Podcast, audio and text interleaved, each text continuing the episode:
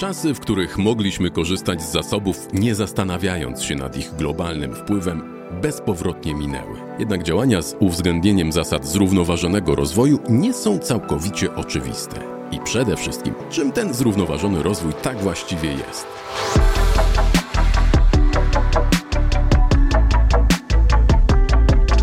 Zostawmy na chwilę naszą osobistą odpowiedzialność i przyjrzyjmy się temu, jak te kwestie postrzegają przedsiębiorstwa. W tym sezonie podcastu Halo to Bank zaprosiliśmy do rozmowy przedstawicieli firm, którym cele określone w agendzie ONZ 2030 nie są obojętne.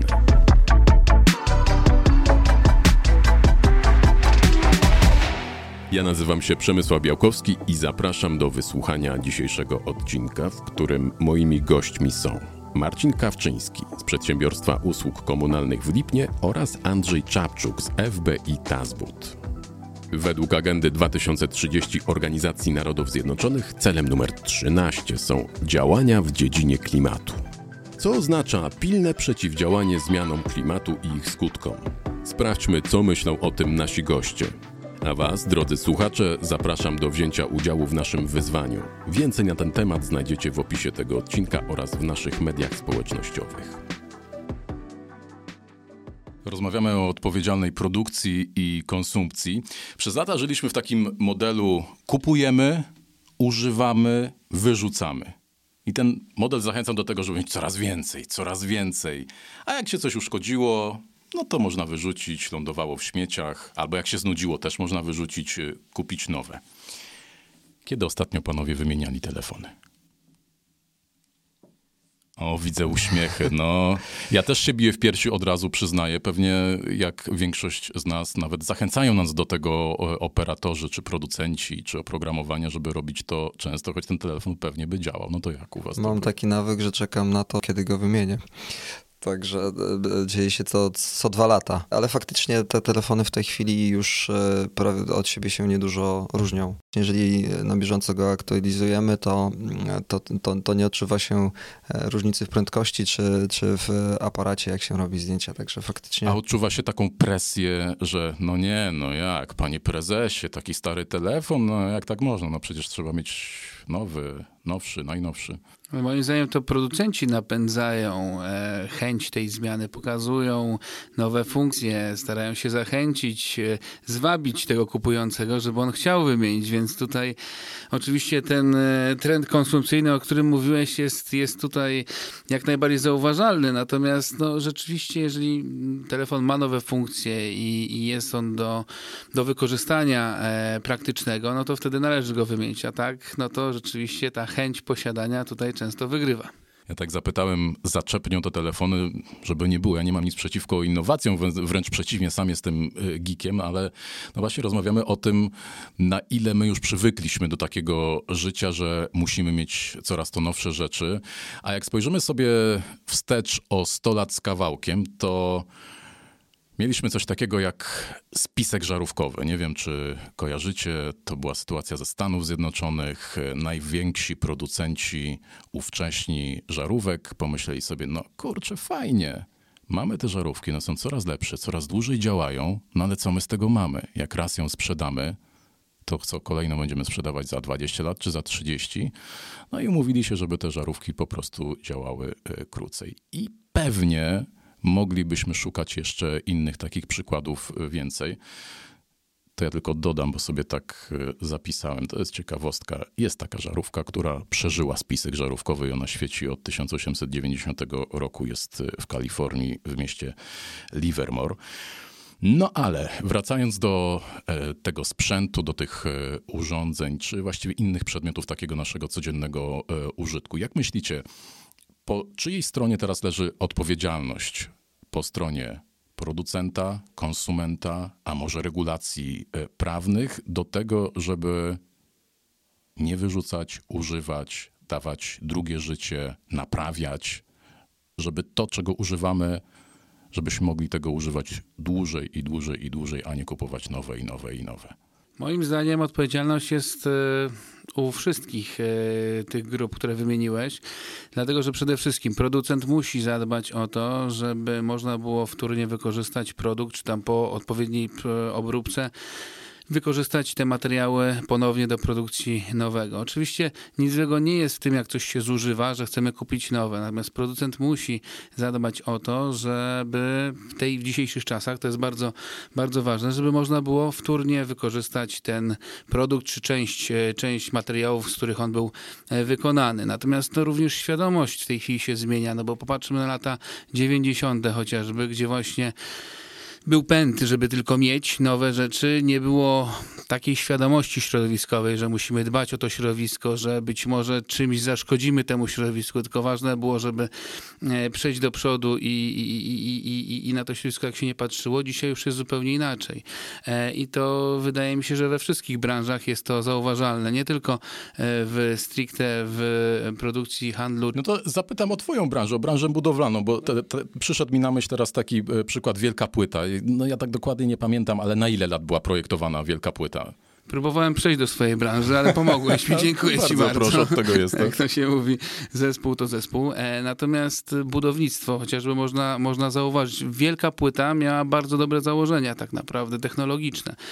I dzisiejsza prefabrykacja to nie jest nic innego jak rozwinięcie tej technologii. Tylko tam e, poległa wielka płyta na e, słowie jakość tak naprawdę i wykonaniu, bo same projekty, same obliczenia, sama idea była naprawdę bardzo dobra i w dzisiejszych czasach wykorzystujemy e, elementy właśnie z technologii wielkiej płyty. Mówię o elementach projektowych. Natomiast jeżeli chodzi o jakość, jeżeli chodzi o zużycie materiałów w prefabrykacji, jeżeli mówimy tutaj o zużyciu e, cementu, betonu, czyli e, zużyciu stali, to właśnie dzięki temu ośrodowisko jest oszczędzone i, i, i mamy mniejszy e, ślad węglowy, wydzielamy i przez to jesteśmy proekologiczni. To jest już taka sama zasada samej prefabrykacji.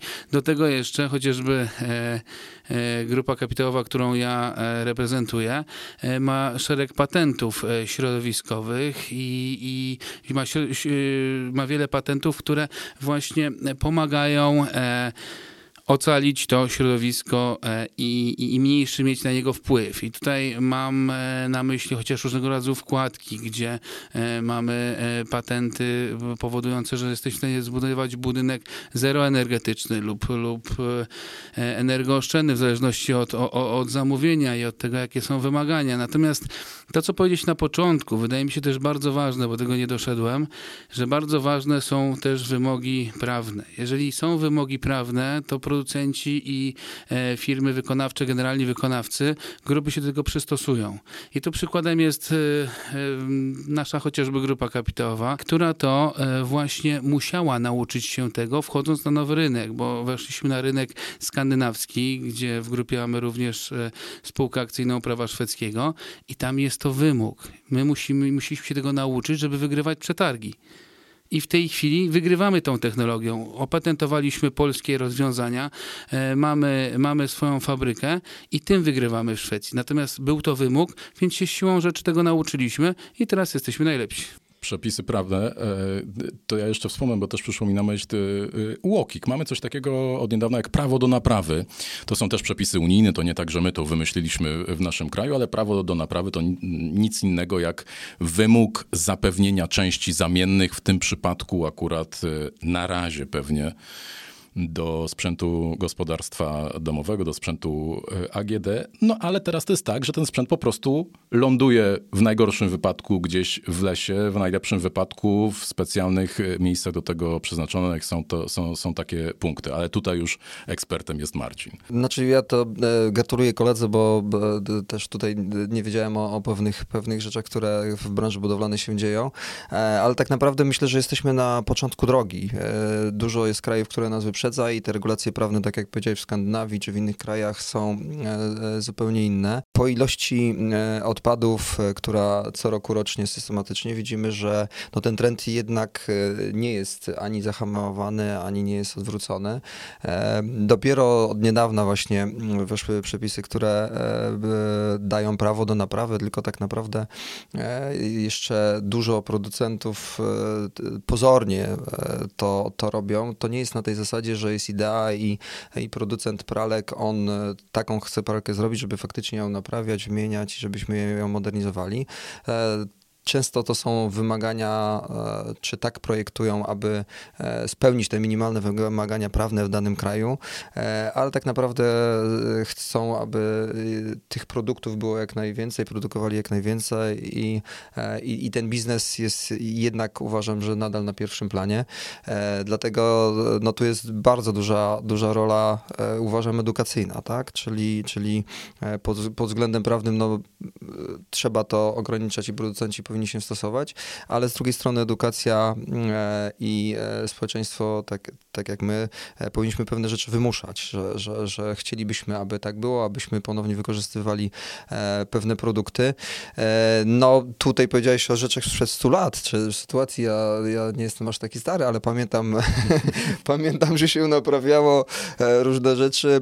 U, u nas w małej miejscowości szewc był teraz, nie wiem, czy ten szewc jest, nie kojarzę, czy on, on gdzie się znajduje, bo oczywiście wszyscy e, nie naprawiamy butów. No a już nie mówiąc o tym, fajny trend jest, e, bo, bo też jest moda na takie właśnie, czy stare meble tego typu, to, to porządne, to można, można zrobić z nich designerskie rzeczy, ale jednak w takim codziennym życiu zbyt duży procent, y, y, śmiem twierdzić, że to, to sięga blisko 90 albo i więcej, e, nie wykorzystuje ponownie, nie naprawia rzeczy, bardziej, bardziej wymieniamy je i to, to, to, to oczywiście trzeba odwrócić. No i tak jak powiedziałeś na początku, to trzeba, trzeba do tego zmian prawnych, trzeba zmiany naszej mentalności.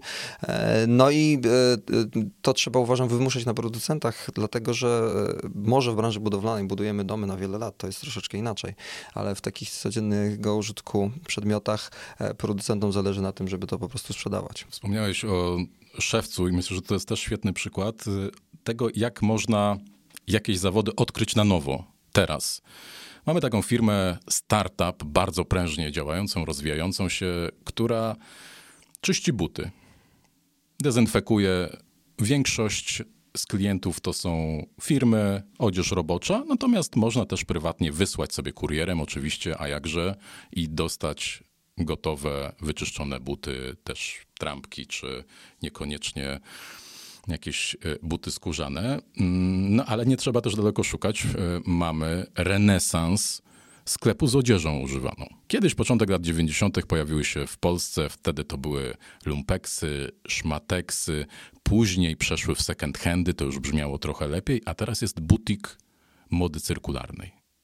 Nic innego, niczym się właściwie no, nie różni. To jest dalej ta sukienka czy te spodnie, które były używane przez kogoś, a teraz będą używane przez inną y, osobę. Natomiast to pokazuje, że są jakieś trendy, które to nie jest tak, że coś zostało odkryte na nowo, ale właściwie tak jak szewc, zawód znany przecież od, od lat czy od stuleci, no może się okazać w tej nowej odmianie, że to jest sposób na biznes, a ładnie lepiej powinien, powinienem powiedzieć jeszcze raz startup. Okej, okay, porozmawialiśmy o tym, doszliśmy do, do takiego wniosku, już słyszę, bo to też parę razy wy powtórzyliście, że coraz więcej i więcej musimy się nad tym zastanowić, gdzie jest, gdzie jest ten koniec. Natomiast ja się zastanawiam, e, gdzie jest miejsce, punkt, w którym ktoś powie, no ale hola hola, przecież my chcemy się rozwijać, chcemy innowacji, chcemy My nie chcemy się cofać, tylko chcemy się e, rozwijać. No i jak tu znaleźć ten kompromis właśnie z, z tym konsumpcjonizmem napędzonym, o którym rozmawialiśmy, no a jednak z, z wymyślaniem nowych e, rozwiązań, które też potrzebują e, produktów, też potrzebują wykorzystania surowców i tak dalej. No to kolega pokazał, czy powiedział o nowych patentach, o tym, że pewne rzeczy są wymyślane i, i oczywiście bez badań rozwoju, bez, bez tak naprawdę ekoprojektowania, bo w tej chwili, jeżeli chodzi o, o recykling, czy no to bardzo wielu producentów projektuje, żeby było taniej, bo rynek wymusza, nie ma regulacji prawnych. W tej chwili mają się zmienić te regulacje w Polsce. Mam nadzieję, że to e, w końcu nastąpi. Dlatego, że produkty czy opakowania tych produktów składają się z tylu e, różnych e, substancji, które nie da się zrecyklingować. Jeżeli nawet są takie rzeczy, że trzeba oczywiście korzystamy, czy musimy później wyrzucić, samochód zrecyklingować, te surowce, które z niego odzyskamy, powinny w dużym stopniu posłużyć, aby, aby wyprodukować nowe na ich miejscu. No, a jak to jest y, z branżą budowlaną? Bo ja kojarzę, to jest przykład y, niedawny. W Warszawie zostanie wyburzony biurowiec, budynek 15-20-letni no wydawałoby się w miarę nowoczesny na pierwszy rzut oka. Przecież widzimy, stoi dużo starszych w gorszym stanie. No i na jego miejsce zostanie wybudowany wieżowiec. No i jak to się ma do właśnie wykorzystywania? Czy w ogóle można w branży budowlanej wykorzystywać? No czy, czy, czy tutaj, no nie, po prostu nie. Czy tak, ja bym jeszcze nawiązał do tego, co powiedziałeś wcześniej, bo to nie jest koniec, tylko to jest początek że ktoś jest, że zaczynamy myśleć o środowisku, to nie znaczy, że nie jesteśmy innowacyjni. Jak tego, że zaczynamy myśleć o środowisku, nie znaczy, że mamy się cofnąć, schować w, w, w domu i nie wychodzić i nie ubierać dobrze, nie wiem, nie jeść czegoś dobrego i nie mieć dobrego telefonu, o czym nawią nawiązuję do początku. I tutaj chciałem nawiązać do wypowiedzi kolegi, bo on powiedział, że jest najważniejsza edukacja i tutaj od tego musimy zacząć. Po pierwsze jest edukacja, która po, e, powiększa zwiększy nam świadomość. Jeżeli będzie świadomość, to musimy znaleźć środki na to, żeby być e, proekologicznym. To co mówię, czy Skandynawia jest gorzej rozwinięta o, od Polski czy od reszty Europy? Nie, natomiast jest proekologiczna, bo jest świadoma. Oczywiście jest bogatszym krajem, patrząc, e, patrząc kapitałowo i historycznie, więc może sobie na więcej pozwolić od razu, ale to nie znaczy, że jest, jest mniej rozwinięta. Po prostu kładzie nacisk na to, żeby coś było dobre, funkcjonalne, ale i proekologiczne. I e, to, co mm, było powiedziane na początku, ja jako firma e, budowlana, generalny wykonawca w Szwecji muszę być proekologiczny, bo inaczej mnie nie będzie. To nie jest, że ja chcę. Oczywiście też chcę, ale muszę. Natomiast w Polsce próbuję wprowadzać niektóre te rzeczy, implementować z, z rynku szwedzkiego i e, często jest to niemożliwe, dlatego że nie mam to środków. Nie dlatego, że ja nie chcę, bo ja bym bardzo chętnie chciał no, w tej chwili mieć tutaj przewagi, te, e, te przewagi nad konkurencją. E, natomiast często nie mogę, bo nie mam na to środków. Nie jest to wymagane, więc, więc jest to droższe. I, i, i to jest e, nawiązanie do, e, do początku. Natomiast jeżeli chodzi o innowacyjność, to co, co poruszyliśmy, to w tej chwili jest globalny nacisk. My współpracujemy z Polską Akademią Nauk, z Politechnikami, w tym z Politechniką Warszawską. W tej chwili realizujemy chociażby dwa projekty dofinansowane, które w historii Politechniki Warszawskiej Wydziału Inżynierii Lądowej są największymi w historii e, projektami innowacyjnymi, polegającymi właśnie na stworzeniu prefabrykatu, który będzie preekologiczny, który będzie oczyszczał powietrze i wodę, w zależności to jest e, element poziomy czy pionowy, będzie oczyszczał z zanieczyszczeń, które chociażby powstają e, podczas spalania paliw. Będzie również usuwał, co mm, właśnie w tej chwili też wykazujemy, bakterie i wirusy. I to jest coś gorszego, my się cofamy, nie idziemy do przodu, tylko po prostu idziemy do przodu kierunkowo, patrząc na środowisko, a nie wcześniej, oby tylko zrobić coś lepszego, fajniejszego. Zrobić, ale patrząc na środowisko, bo je musimy oszczędzać, mamy je tylko jedno. Czyli tutaj e, e, podsumowując to, co kolega powiedział, że e, no niestety w naszym kraju jest tak, że jeżeli nie wymagamy, czyli nie ma jakichś norm prawnych, czy nie ma, czy w zamówieniach nie ma właśnie pewnych wymogów pewnego poziomu, to te innowacje oczywiście kosztują i żeby je zastosować, nie stać nas, nie jesteśmy konkurencyjni, żeby tak było. No niestety ekologia kosztuje. I, e, i to nie jest tak, że e, te kraje, e, w których ta ekologia jest na wyższym poziomie, czy recykling, czy ponowne wykorzystanie jest na wyższym poziomie, one, te kraje wszystkie inwestują poprzez, tak naprawdę to zasada unijna jest taka, że zanieczyszczający płaci, czyli te firmy, które tak naprawdę to nie są pieniądze, to nie są pieniądze z budżetu państwa, oczywiście są jakieś dotacje na innowacje, czy jakieś czy na inwestycje, ale tak naprawdę te firmy, które zanieczyszczają, płacą, składają się do kasy e, wspólnej i z tych środków e, korzystają te firmy, które, e, które tworzą właśnie nowe rozwiązania, tworzą innowacje, ekoprojektowanie i tak dalej. Także to, to, to trzeba u nas troszeczkę jeszcze tego brakuje. Musimy jeszcze tych regulacji, jeśli państwo na pewno dokonać, ale z tego co wiem, no, no też unijne przepisy wy, wy, wymuszają. No jest, jest, to, jest to robione, mam nadzieję, że jak najszybciej wejdzie w życie. Obaj wspomnieliście o edukacji. A co ze świadomością? Jaka jest świadomość Polaków w waszej opinii, w waszej ocenie, świadomość e, ekologiczna? Uważam, że coraz wyższa tak naprawdę. Polacy nie umieją siebie docenić bardzo często i patrzą, że wszyscy naokoło są lepsi, a, a, a Polacy są gorsi. Natomiast jeżeli chodzi o świadomość ekologiczną, to znowu wrócę do tej Skandynawii, no bo tam mamy wieloletnie doświadczenie polscy inżynierowie i polscy e, branżyści, pracownicy również fizyczni, ale i kadra wyższa są bardzo wysoko oceniani i też mają bardzo wysoką świadomość tą środowiskową, tylko tam po prostu środowisko e, pracy pozwala im wykazać się. Natomiast uważam, że my jesteśmy świadomym krajem w tej chwili i, i zaczynamy dbać o środowisko, tylko brakuje na to środków, no bo tak jak powiedział kolega, e, ekologia kosztuje. Jesteśmy coraz bardziej, ale jeszcze, jeszcze, jeszcze, jeszcze jest, jest daleko ta edukacja jest, czym młodsze pokolenie, tym jest lepiej. Czyli dzieci w szkołach, e, szkoły średnie, młodzież e, jest lepiej.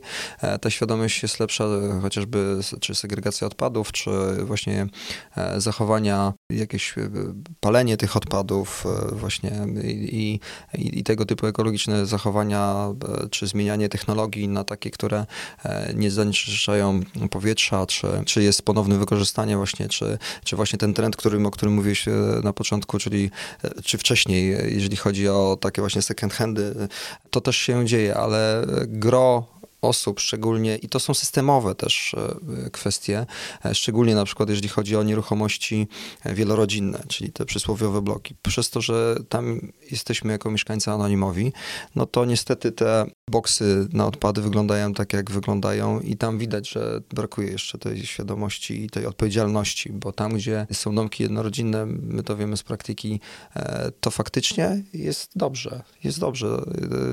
My mamy akurat system workowy, te worki są półprzezroczyste e, i, i to, te osoby widzą, co się odbiera. Naprawdę to jest dobre, a, a, ale w nieruchomościach wielorodzinnych no jest, jest trochę problem. Przepraszam, przypomniała mi się y, ciekawa rzecz, ciekawy przykład. Y, y, innowacyjny, zakładam, że, że jeszcze nie na szerszą skalę robiony, ale właśnie dotyczący tego, jak innowacje mogą w, w tej branży, branży odpadów e, zaistnieć, to są inteligentne kontenery na śmieci. Na czym polega ta inteligencja, czy, czy ten, co robi ten komputer, który gdzieś tam jest e, umieszczony? Bardzo prosta rzecz. Chodzi o to, że kontener się zapełni, przyjeżdża śmieciarka nie zapełni się, śmieciarka jedzie tam, gdzie się zapełni. No prosta rzecz, nie robi się pustych przebiegów. Nieszczególnie skomplikowane, no wystarczy, żeby, żeby był jakiś wskaźnik, który to, to pokazuje.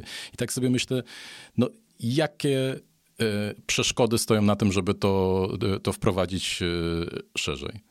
No, systemowe, tak bo, to, bo to ten kontener kosztuje, ten system kosztuje. Jeżeli chodzi o przetargi, bo to są też przetargi, gminy organizują przetargi i my wpłacamy opłatę do gminy za nasze odpady, no jeżeli system będzie kosztował więcej, no to my będziemy płacili więcej.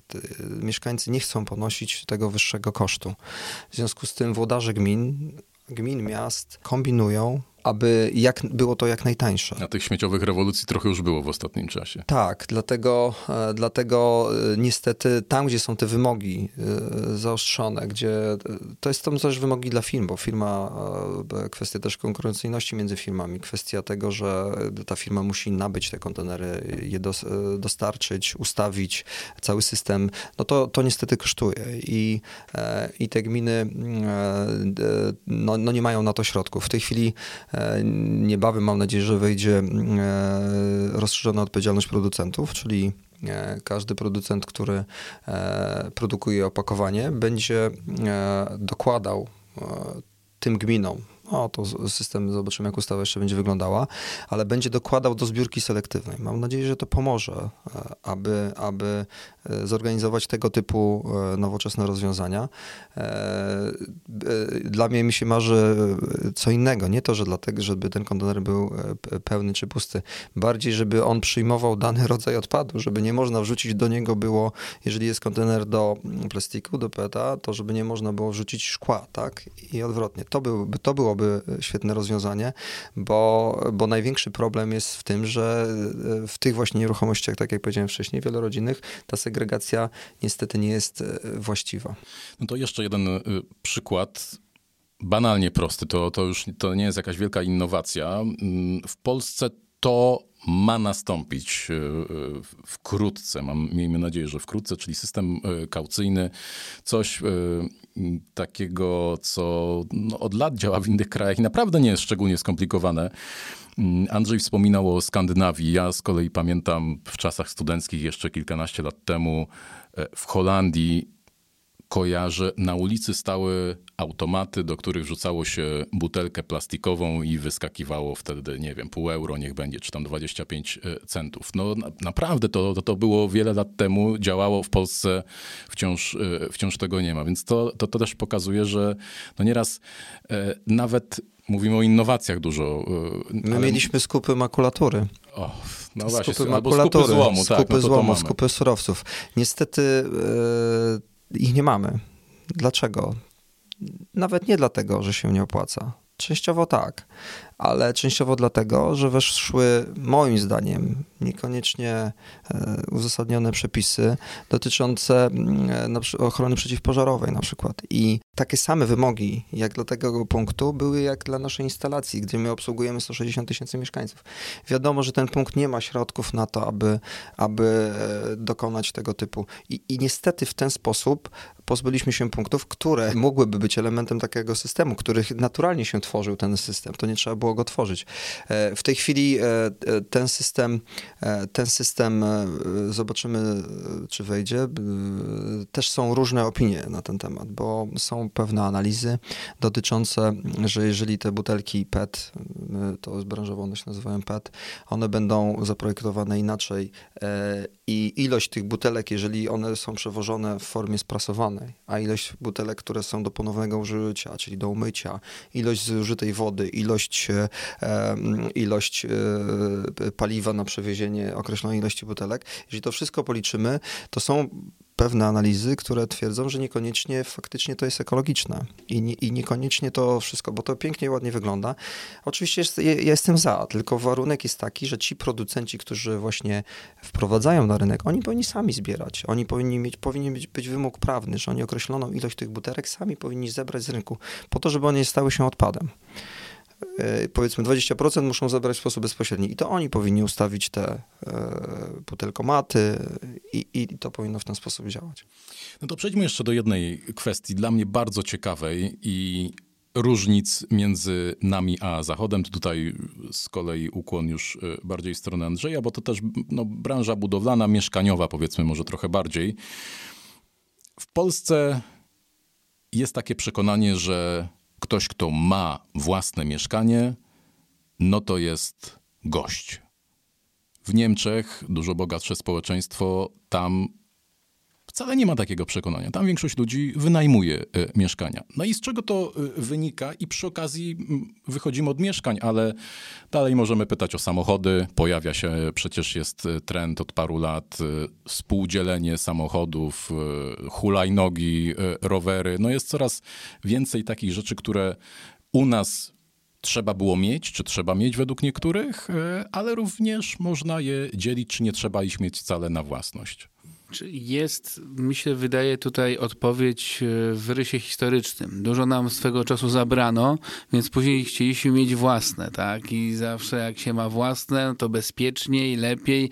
Jestem gość, tak? Natomiast rzeczywiście chociażby Szwecja, e, tam 90 parę procent jest, e, jeżeli chodzi o mieszkania, to jest mieszkalnictwo komunalne dla Szweda jest wygodniej mieć mieszkanie e, dane od, od miasta, danego od państwa, niż mieć swoje, bo swoje to problem, muszę się tym zająć, muszę pomyśleć, muszę ogacić to wszystko, obrobić, a tutaj po prostu dostaję i jest mi wygodnie. Mogę zająć się swoim zdrowiem, mogę sobie pobiegać, sporty, pasje, mam czas dla siebie, mam czas na, na wypoczynek, więc to jest kwestia e, światopoglądu i, i, też, i, też, i też wychowania. Natomiast e, no, historia nas nie rozpieszczała przez, przez wszystkie lata, więc tutaj ja tutaj znajduję pokłosie e, na, na, na tą sytuację, dlaczego w Polsce posiadanie jest tak ważne, a dlaczego chociażby w Niemczech czy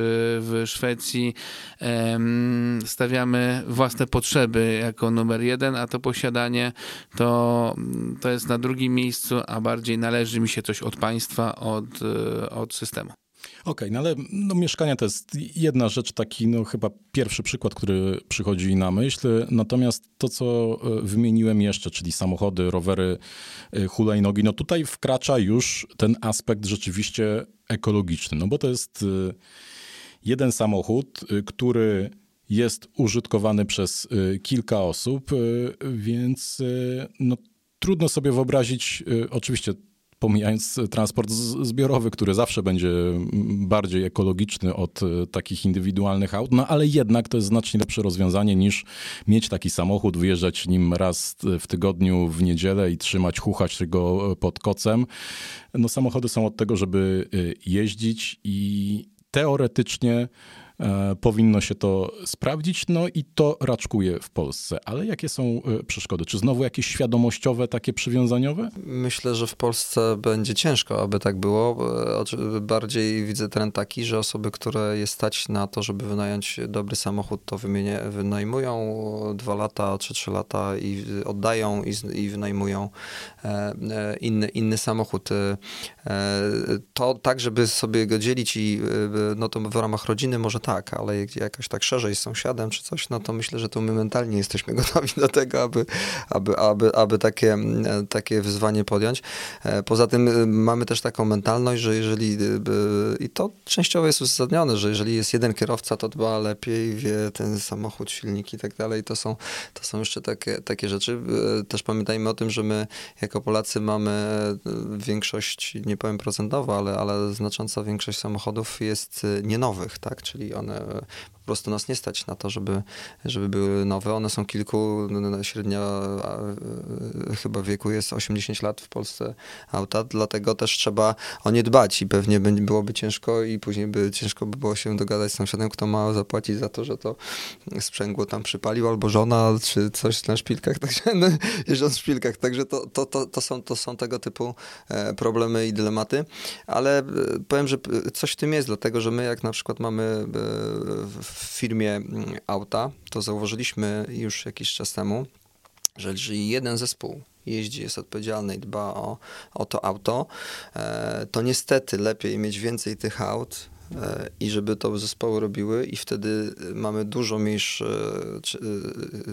awaryjność, lepiej dopilnowane serwisy, bo, no bo jak jest, to jest tak jak to, to jest podobnie jak, jak, jak, jak, jak dwie osoby mają rządzić. Jak dwie osoby mają rządzić, to żadna nie rządzi, tak? Także odpowiedzialność musi być oczywiście, są zarządy spółek i tak dalej, no ale, ale to, to, to, to, to jednak musi być tak, że ta odpowiedzialność, bo tak to kolega powie, no on miał to zrobić, ja miałem to zrobić i, i tego typu mogą być problemy.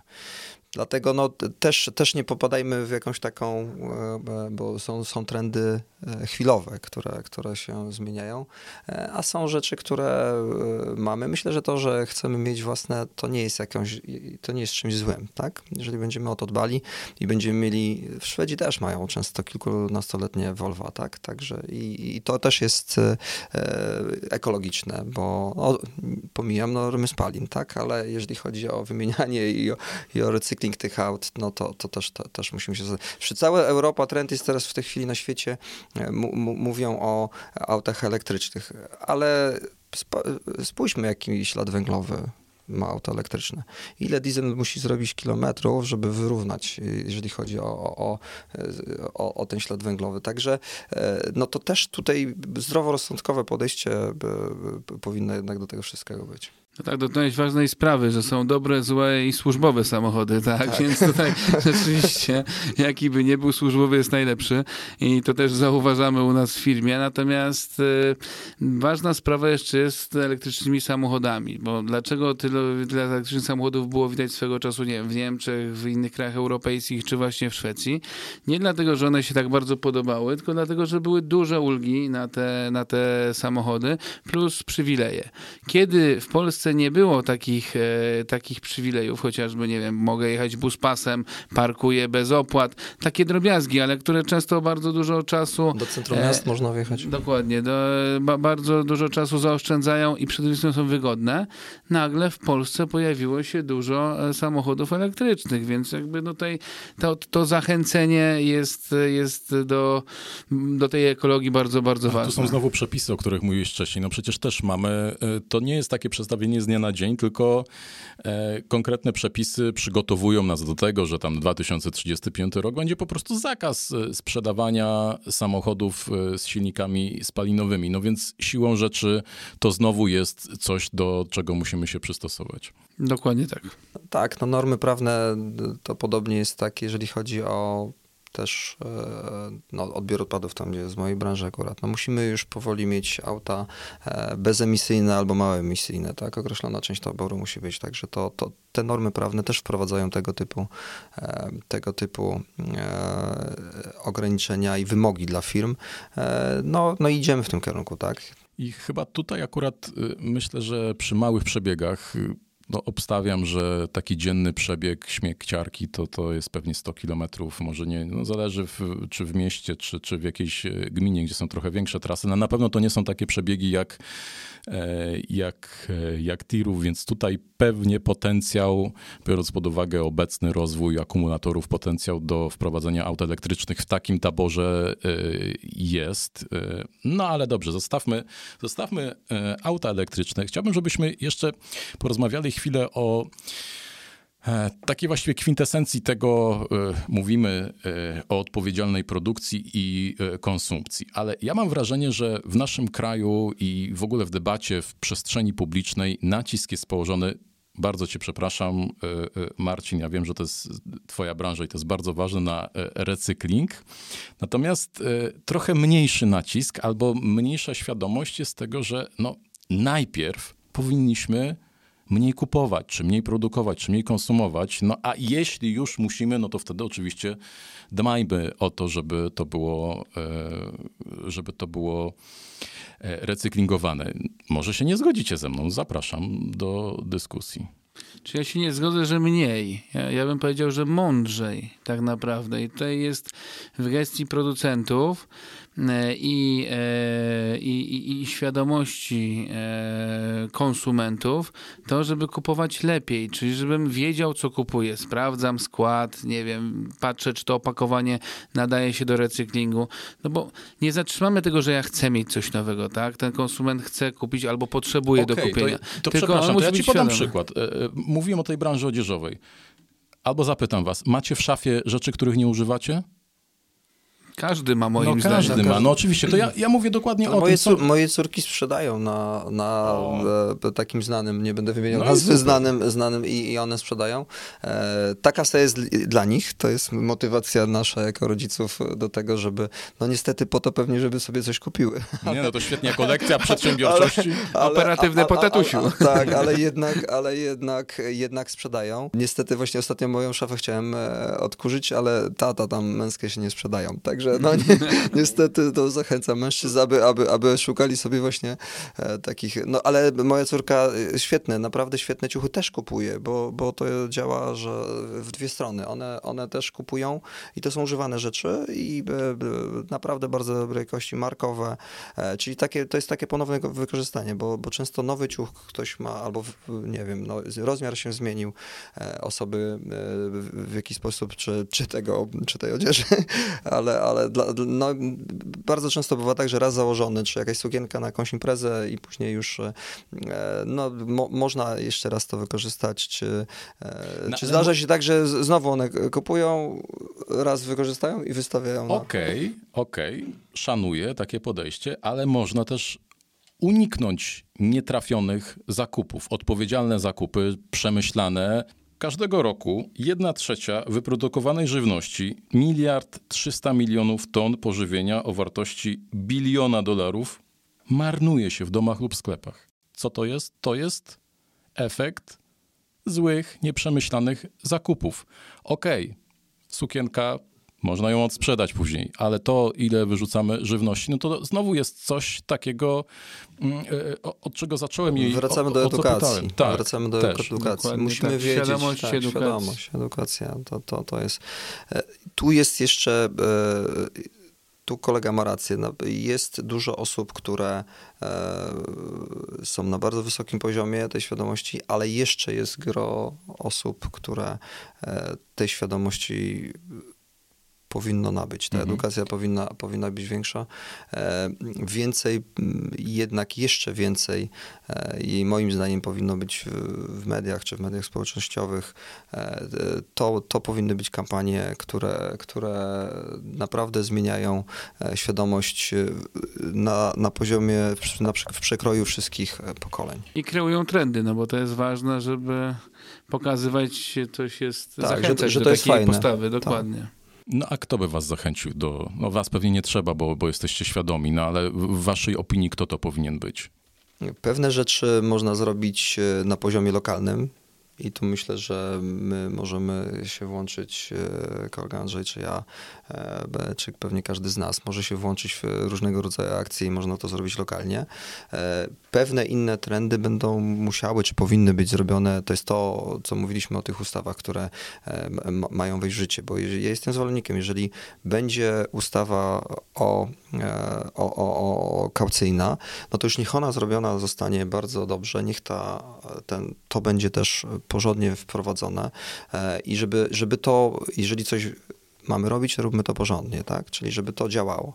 E, I, I, no niestety tego typu kampanie muszą być robione na szczeblu centralnym, czyli, czyli to, już, to już muszą być, e, zająć się z tym instytucje rządowe, czy, czy instytucje takie ogólnokrajowe. Zgadzam się w pełni, bo tutaj musimy na każdym poziomie działać. Raz e, globalnie na rządowym, państwowym e, szczeblu i tutaj jeżeli chodzi o świadomość, różne, różne kampanie są niezbędne, jak również wymogi co do firm, co do producentów, co do, co nawet konsumentów, tak jest. Natomiast również e, i oddolnie takie inicjatywy są bardzo ważne, chociażby podnoszenie świadomości e, podczas integracji dla pracowników, różnego rodzaju szkolenia, różnego rodzaju akcje pomocowe, czy, czy, czy właśnie uświadamiające, że musimy walczyć o to środowisko, bo jest jedno. Więc tutaj musi być taka kolektywna praca zbiorowa, tak naprawdę na każdym szczeblu. No właśnie jeszcze o to zapytam, bo, bo też poruszyłeś ciekawą e, kwestię. Mm, to nie jest tylko takie edukowanie, szkoła, e, dzieci, dom, czy, czy jakieś kampanie społeczne, ale to też i, i również w waszym przypadku, waszych e, firm, no bardzo często e, uczenie czy przyzwyczajenie pracowników. No jeśli, jeśli macie ludzi, którzy pracują od lat, ten skład się nie zmienia, no to zakładam, że te szkolenia nie dotyczą tylko wyłącznie tych, tych kwestii, którymi oni się zajmują na co dzień, no ale trzeba też e, no, wychodzić trochę szerzej i uświadamiać trochę szerzej, bo, bo to jest no, też w interesie całej firmy, całej organizacji.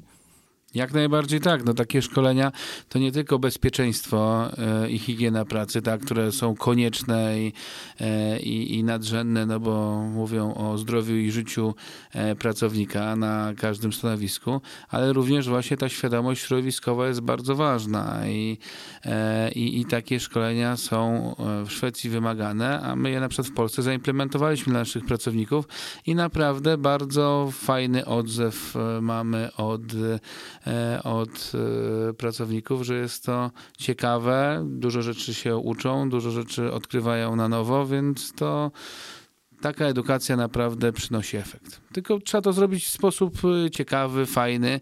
Na pewno nie narzucić i nie puścić film, czy, czy nakazywać, no bo Polak ma taką, taki temperament, jak ktoś mi każe, to ja zrobię odwrotnie, ale pokazać, zachęcić, e, jak to się mówi, dać ten cukierek, żeby e, poczuć, jak on smakuje. Jeżeli postawimy w firmie e, kosze do segregacji, to jest szansa, że ktoś będzie segregował. Jeżeli nie będzie tych koszy, będzie jeden, no to nie będzie segregacji, tak? To, to na, na, na tyle nikt się nie wysili, aby wyjść na zewnątrz i wynieść e, tego papierka, czy butelki, czy opakowania szklanego osobno. Jeżeli to będzie wewnątrz firmy, w dostępnych miejscach, czyli tu my jako zarządzający e, firmami musimy też patrzeć na to, na to, żeby stworzyć taką infrastrukturę, czyli, zrobić, zrobić jeszcze taki krok do przodu.